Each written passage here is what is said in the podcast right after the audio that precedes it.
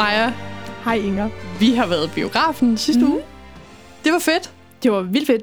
Vi var inde og se A Storm Foretold af den danske instruktør, Christoffer Guldbrandsen fra 2021. Ja. Ny dokumentarfilm om Roger Stone. Og jeg tænkte sådan, jeg så den faktisk først med en veninde, og hun skrev bare til mig sådan, skal vi ikke se en dokumentar om Roger Stone? Og jeg var sådan, øh, jeg troede først, det var en musiker. Jeg ved ikke, hvad jeg tænkte på. Det er en eller anden, der hedder Stone. Ikke sådan Rolling Stone, men et eller andet. Men jeg, Ja. var sådan, jeg troede bare, det var sådan en 80'er rockmusik, og jeg tænkte sådan, ah, det Ja. gider jeg ikke. Men så søgte jeg lige navnet op, og så så han ret grineren ud på, på Google. Altså, det er nogle... Øh, jeg kan godt lide de der runde briller, han går med. Ja. Og de der peace-tegn. Ja. Altså et meget, meget stilikon. Ja. Så det er jeg meget glad for. Tak til Tilde, for at hun lige hjælper os med ugens uh, tema. Men det var en så god dokumentar. Virkelig. Virkelig god, og jeg tror næsten ikke, jeg har grint så meget under en dokumentar før. Aldrig nogensinde i mit liv. Jeg havde det, som om vi var inde og se komediesatire. Ja, det, det, altså sådan... Og det er det der med, at det ikke altid... Okay, noget af det er jo vildt sjovt, fordi at de siger nogle ting i løbet af den her dokumentar, som vi kommer mere ind på, men de siger nogle quotes, hvor man tænker sådan, amerikanere er bare vildt skøre. Men jeg elsker også, hvordan den er filmet, mm. fordi han har virkelig valgt nogle sådan hverdagslige måder, hvor Roger han bare sidder inde i en diner sammen med ham, og Ja. de sidder og bare og drikker noget Diet Coke, og det er bare helt stille. Ja. Og det ligner sådan en søn og en far, der ikke har sådan det tætteste bånd, og faren er sådan, nu skal vi hygge os i dag, søn. og det er bare så sjovt. Virkelig godt, virkelig godt lavet. Ja, det er en kæmpe alle herfra. at se den. Så jeg tænker, at vi kan lige starte med at gennemgå, hvem er Roger Stone overhovedet. Han er en amerikansk politiker. Han er 70 år gammel. Han er fra staten Connecticut. Og så er han lidt sådan the mastermind bag Donald Trump og hans øh, politiske karriere. Hans officielle titel var vist nok Chief Political Advisor. Så ja, han har bare generelt været den, som har stået øh, bag rigtig meget af Trumps politik, og også hans øh, pressedækning, og øh, har været en helt vild pro-Trump-person i det offentlige USA. Altså, han har jo været med i amerikansk politik vildt lang tid. Han siger jo i dokumentaren, at den første, han hjalp til magten, det var Nixon. Ja. Og jeg kan ikke engang huske, hvornår det var. Var det i 70'erne eller hvad? Før vores tid. Meget lang tid. Ej, er det ikke måske i 60'erne? Jo, det er den der, det er den der tv-debat mellem Nixon og JFK. Mm. Så det er lang tid siden. Det er lang tid siden. virkelig Han er også en ældre mand. Meget. Men i hvert fald, du nævner det der med, sådan, at han er the puppet master. Han er den, der står bag kulisserne. Han er en spindoktor i det amerikanske politik. Og det er også det, man starter ud med. I dokumentaren, så kommer der op et quote, hvor det står, What is Roger and what is Donald? Mm. Og det synes jeg opsummerer den her dokumentar ret godt.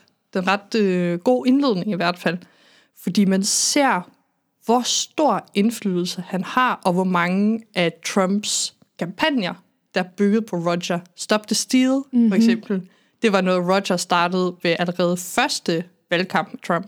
Ja, i 2016. Og det er jo noget, som endte med at få konsekvenser i 2021, Ja. da vi så øh, stormen på kongressen. Så det havde bare en meget længere baghistorie, end jeg vidste, det havde. Så dokumentaren er opbygget på den her måde, at det er Christopher Guldbrandsen, som har fulgt Roger Stone cirka tre år, og øh, bare har fulgt hans daglige gang øh, i USA, og været til møder med ham, men også bare været hjemme i hans hjem, og derfor er det et meget personligt portræt af, hvem er Roger Stone, øh, både i det private, men også i sit politiske virke. Og så er det en rigtig sjov film, egentlig. Øhm, altså, som jeg sagde, den virker næsten som satire, fordi at vi som et lidt mere venstreorienteret dansk publikum bare opfanger virkelig mange af de ting, han siger, som helt vildt sindssyge. Så derfor er den faktisk meget sjov. Og jeg synes jo allerede bare åbningsscenen, Helt klart. så bliver man bare sådan, så kan man forstå med en gang, ham her, det er ikke en, man møder i sin hverdag. Mm. Vi møder ham nemlig, når han sidder uden for i sin lille forhave foran sit townhouse i Florida, og han sidder med den fedeste cigar, jeg nogen gange har set. Tænk Churchill og gang det med fem. Den er så tyk, og han sidder der, og han ryger den her cigar, tilbagelænet med sine små mokassiner mm. på, og så sidder han og snakker om, at han skal redde den vestlige civilisation. Ja. Det er hans mission. Verdensmanden. Ja. Han mener, at USA, men også den generelle vestlige civilisation, er helvede. Den kommer til at gå under, og det er nu. Og specielt med det nye valg, der kommer. Eller det valg, som for ham var nyt dengang, mm-hmm. op til 2020. Og allerede her kan man bare se den framing, som Guldbrandsen han har prøvet at lave i den her film. Altså, det er et nuanceret billede af Roger Stone, for man ser ham både sådan i karrierens top, men også en af hans øh, personlige lavpunkter, hvor han sådan flipper helt ud til sidst, men øh, den er sgu også sjov. Man griner af ham. Jeg synes, at det, der bliver tydeligt helt i starten, som jeg tror er helt bevidst lavet af Guldbrandsen, er, at han viser, hvor meget Roger Stone er en lysløgner. Helt klart. Helt fra starten af. Det åbner med, at Roger Stone at Guldbrandsens efternavn lyder meget sådan øh, tysk nazistisk. Ja. Og han begynder at grine med sig og siger sådan, ej, jeg skal fortælle alle sammen, at ham her dokumentarskaberen, at han er af nazisk herkomst, og hvordan hans oldefar bare har dræbt masser af jøder, og han griner, mm. mens han snakker om det her på en måde, hvor man tænker sådan, det gør man ikke. Ja, præcis. Og som det øjeblik, hvor han siger, at og alle danskere er jo kommunister, og sådan, alle danskere vil aktivt gerne modarbejde hans politik, fordi at vi alle sammen kommunister herover. Altså, det er meget tydeligt, at han finder på facts as he goes along. Altså. Og også det der med, at han står og skal lave en martini, lige før guldbrænsen kommer, og så tager han sin martini med ud i bilen Det er den bedste i et martini-glas. Jeg er så inspireret. Og så får han guldbrænsen til at køre, og så giver han sit glas til ham og spørger, om han ikke vil holde det, Ja. mens han kører. Og så når han så får det i hånden, og guldbrænsen siger, ja, det kan jeg godt, så siger han sådan, tag et billede, tag et billede, Ja. I'm framing you-agtig. Ja.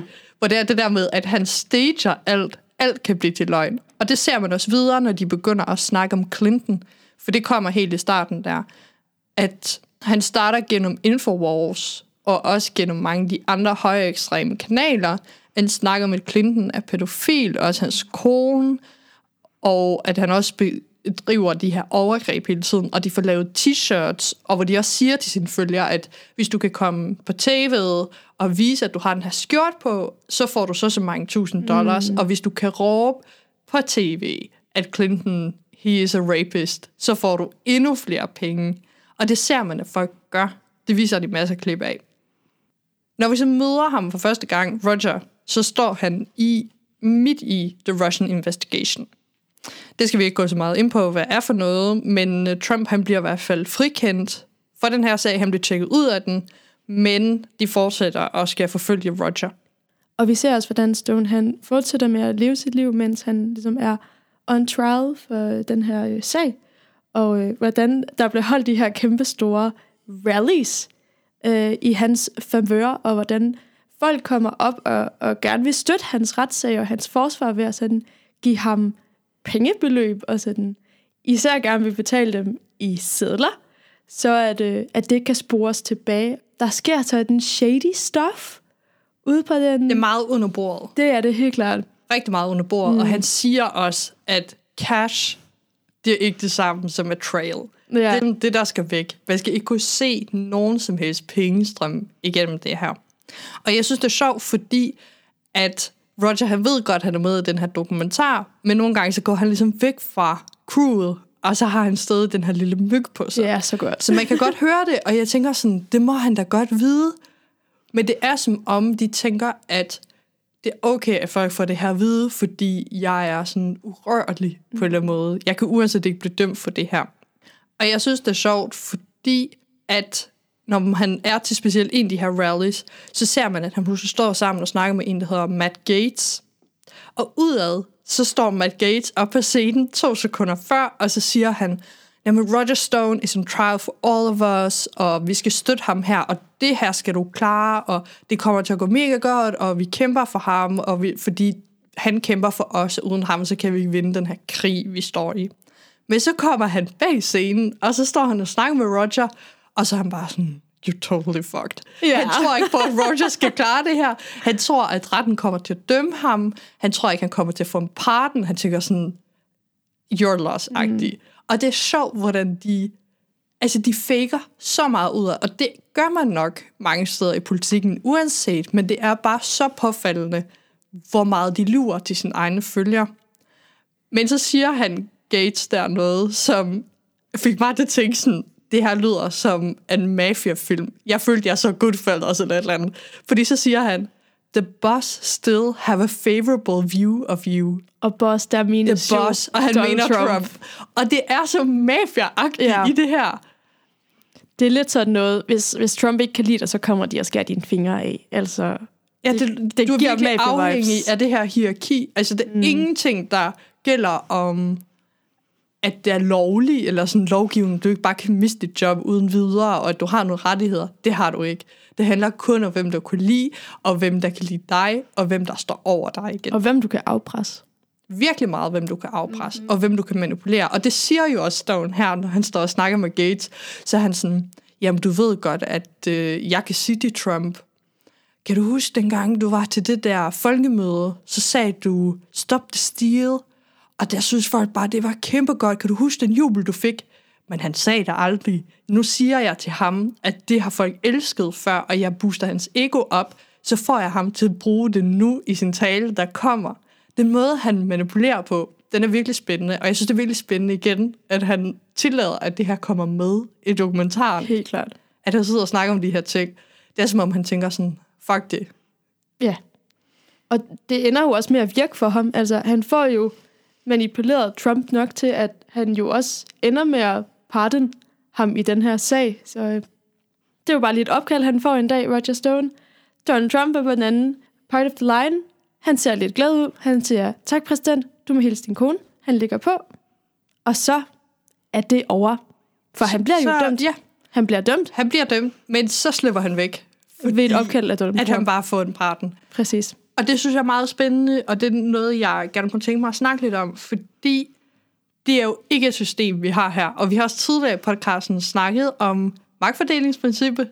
Det fungerer jo i USA. Vi nævnte også i forhold til den sag i Israel, hvor hvordan præsidenten kan vælge ud sin egne dommer ind i højesteret. Allerede der har man et brud.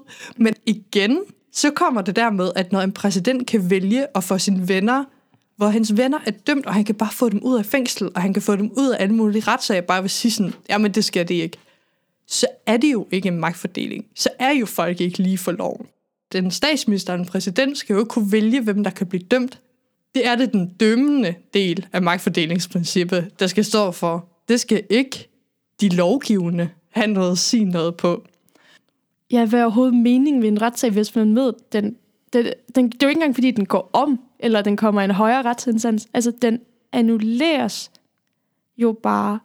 Og hvis man kan gøre sådan med alle de mest øh, manipulative, øh, kroniske løgner i USA's politiske system, altså, hvor ser vi så udviklingen af den demokratiske proces, hvis det er bare sådan, man, man behandler folk, som netop er on trial for at ligge ting og for at lyve.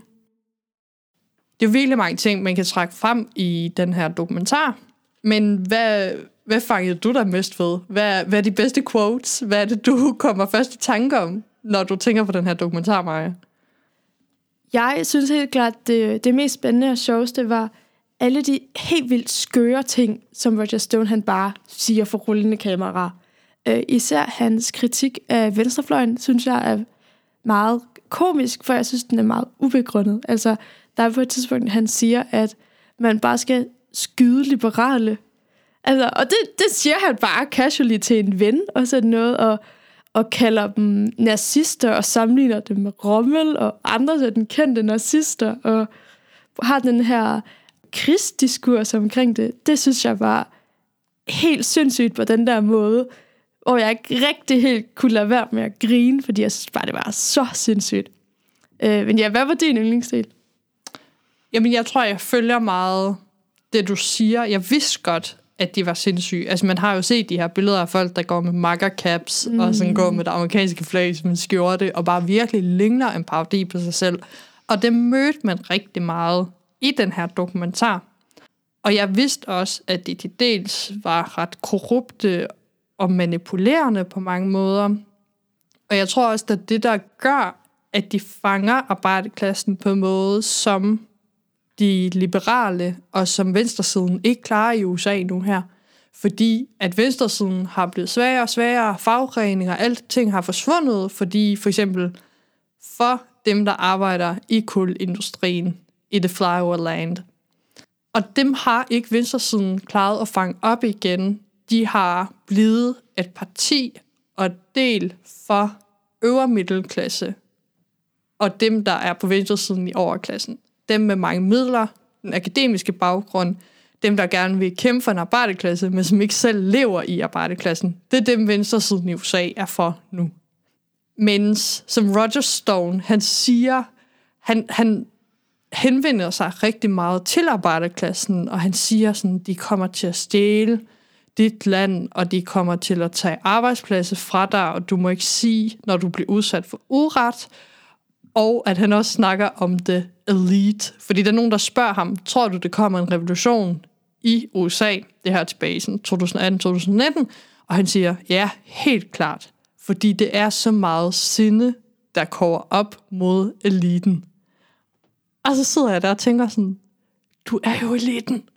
Han har de her jakkesæt på, hvor han har en vest indunder, og han har sådan en høj hat, og han har de her cigarer, og han er totalt eliten. Og så sidder han og siger til arbejderklassen, eliten vil ikke give dig noget, eliten vil ikke gøre det og det, og de kommer til at tage fra dig det og det. Og så er jeg sådan, du er jo den, der egentlig vil tage alt fra dem. Du bryder dig jo ikke om, at de sidder der og ikke har nogen penge. At alle deres familie er afhængige af oxytocin, eller hvad fuck det hedder, yeah. det der nye drug, der er dernede. Det bryder han sig ikke om, men han siger de ting, de gerne vil høre. Han siger de ting, venstresiden aldrig siger til arbejderklassen mere. Jeg tænker jo, han er jo en, en øh, rygende begavet mand, når det kommer til politisk øh, taktik, så det er vel bare en taktik, altså til at mobilisere flere folk og sådan give dem et fællesskab, de kan relatere til, så de vil gå på gaden, og de vil være internetkrigere, og de vil støtte hans kampagne øh, med pengemidler. Og... og jeg tænker, at ordet penge mm. er meget centralt i det, du sidder og snakker om, fordi at hans sekretær siger, også på et tidspunkt, hvor hun siger sådan, jamen han bryder sig om penge, selv når det bare er snak om små mønte. Der er alt, alt små pennies. Mm. Alt han kan få fat på, det skal han bare have. Og man ser jo også, når han sidder i et møde med en af de, der er fra Proud Boys, ikke en af de allerhøjeste op, men en, der sådan gentager den her dokumentar, hvor han sidder og snakker om, folk spørger mig, om skal vi ikke sådan denounce Q, som er den her person, som ingen vidste, hvem var, men som nogen mente måske var Trump, eller en, der var meget tæt på Trump. Og så siger han sådan, ah, det skal vi ikke, fordi at for mig så gør det ikke noget, at de tror, at det er nogen, der kan vildt masser, og en, der sådan skal afsløre staten. Fordi når de tror på Q, så betaler de så meget, de køber så meget merch ind på hans hjemmeside og alle de ting, han støtter, og de donerer også så mange penge. Og det ser man også i løbet af den her dokumentar, hvor han sidder og snakker til folk på nettet, og siger sådan, ja ja, men der er nogen, de donerer kun 10 dollar, men du kan gerne donere 75. Mm. Også nogen, der har doneret 1000 dollar, og det kan også være dig. Alt handler bare om, at han skal have flere og flere. Ja, rank the cash in, helt klart.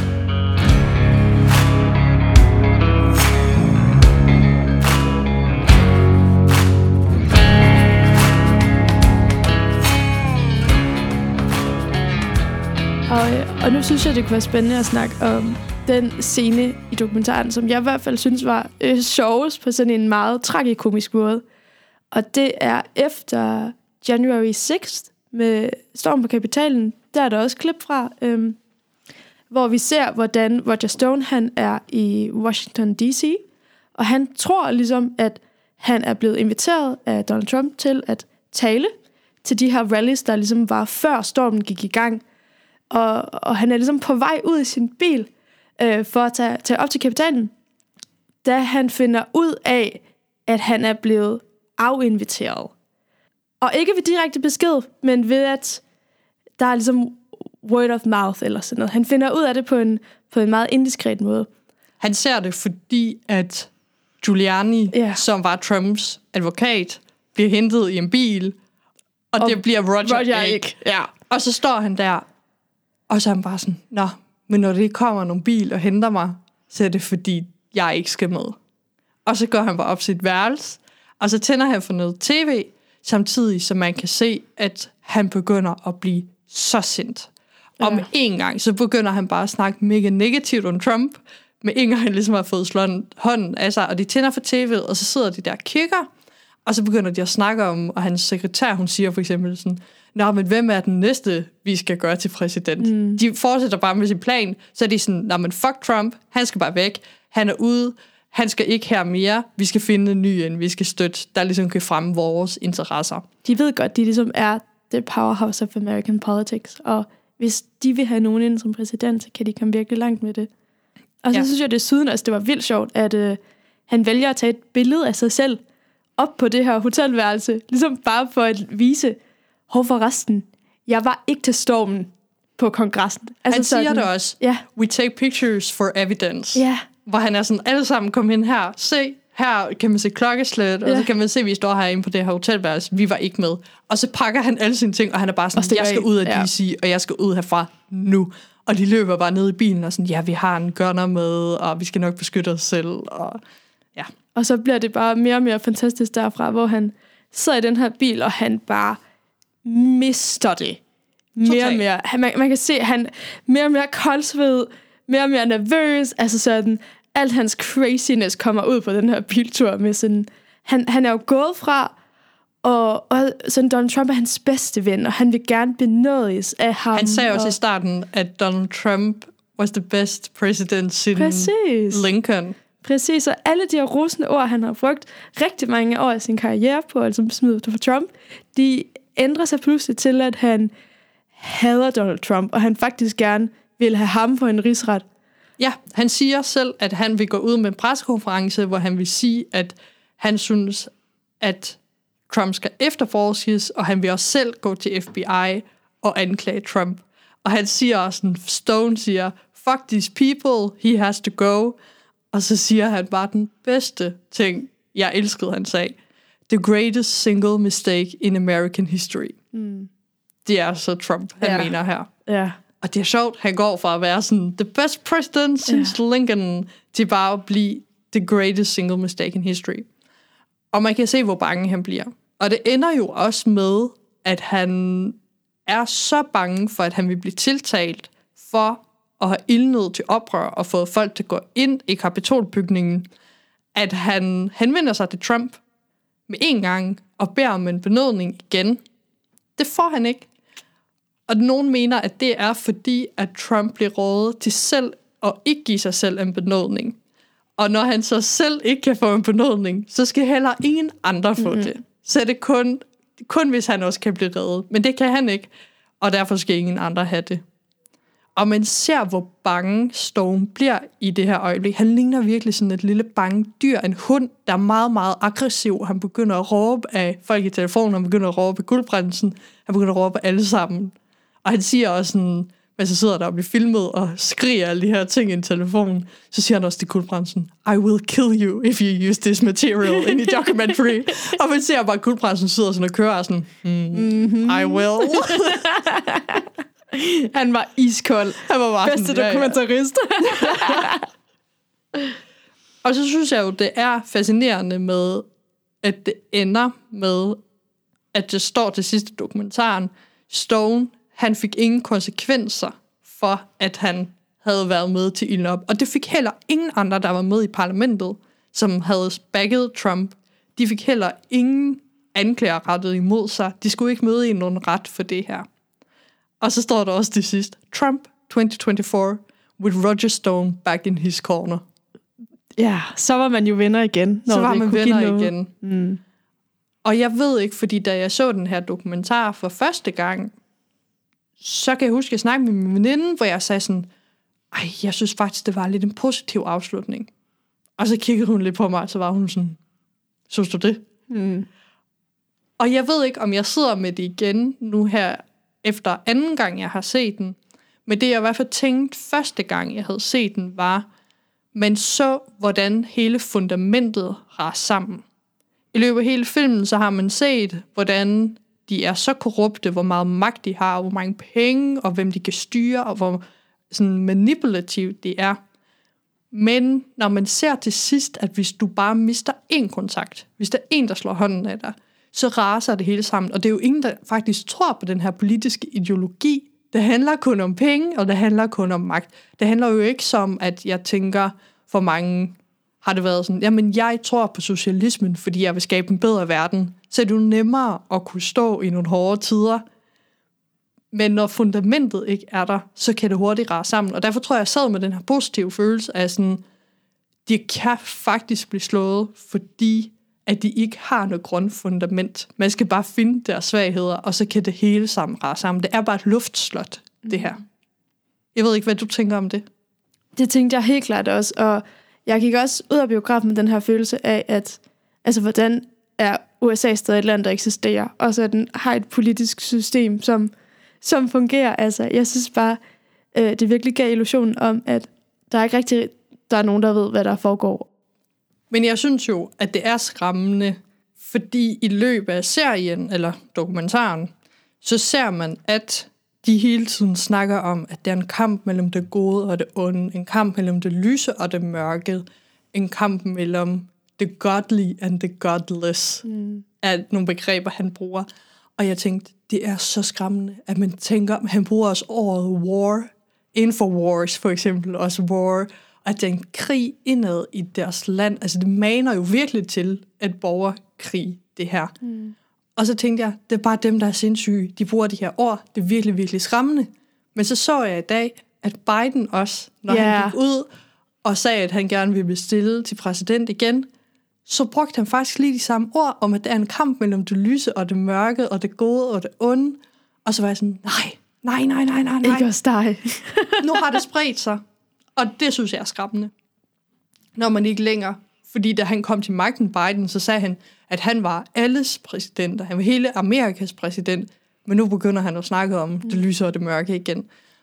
Og derfor så ved jeg, hvad tænker du om fremtiden til USA, efter den her dokumentar? Uh, det er spændende. Um, jeg kan godt forestille mig, at vi kommer til at se flere angreb, som det der var øh, 6. januar. Forhåbentlig ikke særlig mange, men det var jo ligesom bare det tætteste, vi havde på revolution i nyere amerikansk tid. Men det, jeg synes er sjovt, apropos det, jeg sagde om, at det ikke er et grundfundament, var jo det, at under stormingen af kapitolbygningen, så sad jeg selv derhjemme, og så så jeg på tv, og så ser jeg, at de begynder at nærme sig, og de nærmer sig, og så begynder de at rive gitterne ned, mm. og de kommer op ad den her kæmpe trappe, og man ser, at de begynder at knuse vinduer, og de kommer sig ind i gangen.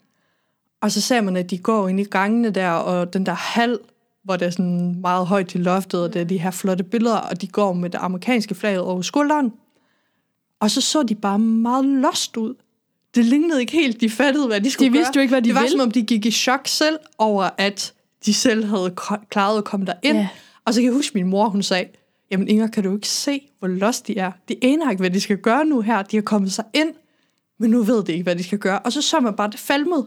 Det bare, det bare dalt ned for dem. Og jeg tror, at det viser igen, det er ikke noget grundfundament. De skal hele tiden have en eller anden, der fortæller dem, hvad de skal gøre. Og man har ikke den her fælles ideologi, hvis du kan forstå, hvad jeg mener. Mm, helt klart. Ja. Ja, det er ligesom, det er kampen for kampens skyld, men hvad er formålet egentlig? Ja. Og jeg synes også, det er rigtig spændende med, øh, nu når der er præsidentvalg igen næste år, øh, og det nok bliver Biden mod Trump igen, se hvis favør det valg kommer til at tippe, og hvordan at befolkningen kommer til at tage konsekvenserne af det valg. Det tror jeg bliver rigtig spændende. Så det her, det var en lidt anderledes episode af Globen, øhm, hvor vi jo anbefalede en dokumentar. Så ja, endnu en gang, den hedder A Storm Foretold af Christopher Guldbrandsen. Og det er bare en kæmpe anbefaling herfra. I vil grine, I vil græde, I vil have USA. I vil måske blive optimistisk, Ja. måske pessimistisk. Måske. Der er en god blanding af det hele, Ja. faktisk, i den her... Præcis. Og den har kørt i Øst for Paradis, gør det vist nok ikke længere, men øh, giv det et par måneder, så er den på filmstriben. Det gør den nok. Ja. Yes. Jamen tak for, at I lyttede med. Og så er vi tilbage næste uge med et nyt tema. Måske lidt en mere almindelig Globen podcast igen der. Vi glæder os i hvert fald til, at I lytter med. Vi ses. Hej!